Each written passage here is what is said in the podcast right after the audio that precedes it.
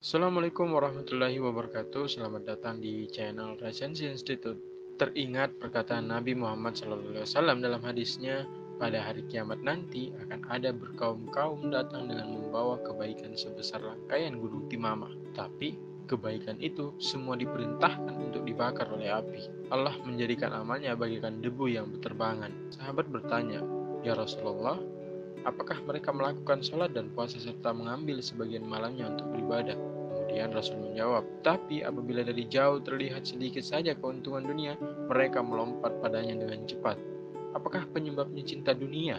Nah, Kang Jalal dalam buku Jangan Bakar Taman Surgamu mendefinisikan cinta dunia seperti ketika Anda menilai kemuliaan manusia dari tumpukan kekayaan, ketinggian jabatan, kemasyuran reputasi, dan kehebatan gengsi. Cinta dunia membakar habis kebaikan-kebaikan Anda. Lantas, apa yang dapat kita lakukan agar terhindar dari perilaku cinta dunia ini? Suatu ketika, seusai Nabi SAW menjelaskan amal-amal baik di bulan Ramadan, Ali bin Abi Thalib bertanya, Ya Rasulullah, amal apa yang paling utama di bulan ini? Nabi SAW menukas dengan singkat, wara, yaitu menahan diri dari apa yang diharapkan Allah.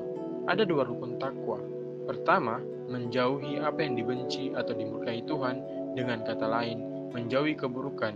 Kedua, melakukan apa yang dicintai dan diridhoi Tuhan, yakni melakukan kebaikan. Selama ini, sebagian dari kita fokus pada berbuat kebaikan, melakukan sholat, mengeluarkan zakat, menjalankan puasa, mengerjakan ibadah haji dan umroh, ditambah lagi dengan berzikir, sholat malam, bacaan Al-Quran, bayar infak, hadir di pengajian, dan sejenisnya. Manakah yang lebih baik?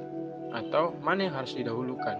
Rukun yang pertama, yaitu menjauhi keburukan. Sesuai dengan perkataan Imam Ali, menjauhi keburukan harus didahulukan dari melakukan kebaikan. Dalam hadis lain juga disebutkan, bersungguh-sungguhlah dan rajin-rajinlah beramal. Jika tidak sanggup beramal baik, janganlah berbuat maksiat. Karena orang yang membangun dan tidak merusaknya, walaupun perlahan-lahan, bangunannya akan tinggi juga. Tapi orang-orang yang membangun sambil merusak bangunannya, ia tidak akan menjadi tinggi. Persepsi sebagian masyarakat menilai seseorang terletak pada rajinnya ia beribadah. Sementara, jika kita melihat korupsi, kolusi, dan nepotisme merupakan lingkaran setan yang tidak ada henti-hentinya terjadi di Indonesia. Apakah benar beribadah dapat mencegah kita dari perbuatan keji dan mungkar? Memang begitu, Mengapa umat Islam di Indonesia maupun di dunia selalu melakukan hal-hal yang tidak sesuai dengan kaidah Islam? Justru negara-negara yang angka kejahatannya lebih minim dipegang oleh negara-negara yang bahkan mayoritas tidak beragama atau tidak bertuhan. Apa yang terjadi dengan umat Islam? Adakah yang salah dengan cara kita beragama? Pada suatu ketika Rasulullah SAW ditanya oleh salah satu sahabat mengenai apa itu agama. Rasulullah SAW mengatakan akhlak yang baik atau perilaku yang baik. Terkadang kita mendahulukan keinginan kita dalam beragama Contoh yang selalu kita lihat setiap tahunnya terjadi ketika umat Islam menunaikan haji.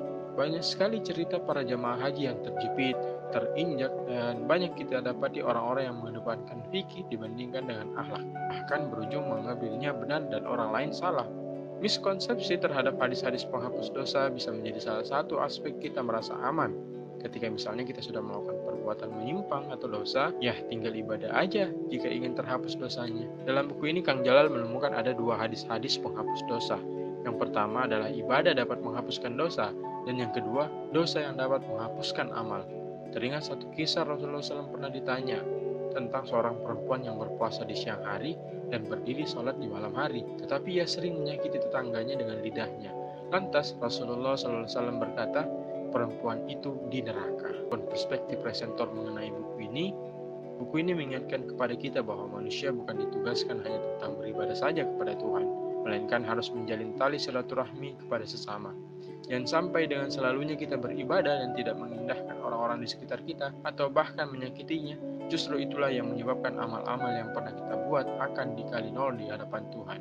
Tuhan tidak membutuhkan ibadah kita, melainkan kitalah yang membutuhkan ibadah itu sendiri. Sholat misalnya, dalam Al-Quran disebutkan sholat dapat mencegah kita dari perbuatan keji dan mungkar. Ini bermaksud sebagai sekolah rohani yang harus kita lakukan untuk membentuk kepribadian yang berakhlak yang baik. Jauhi persepsi mengenai saya benar dan orang lain salah. Jagalah taman surgamu dengan menjaga akhlakmu kepada semua makhluk. Terima kasih. Ada pertanyaan?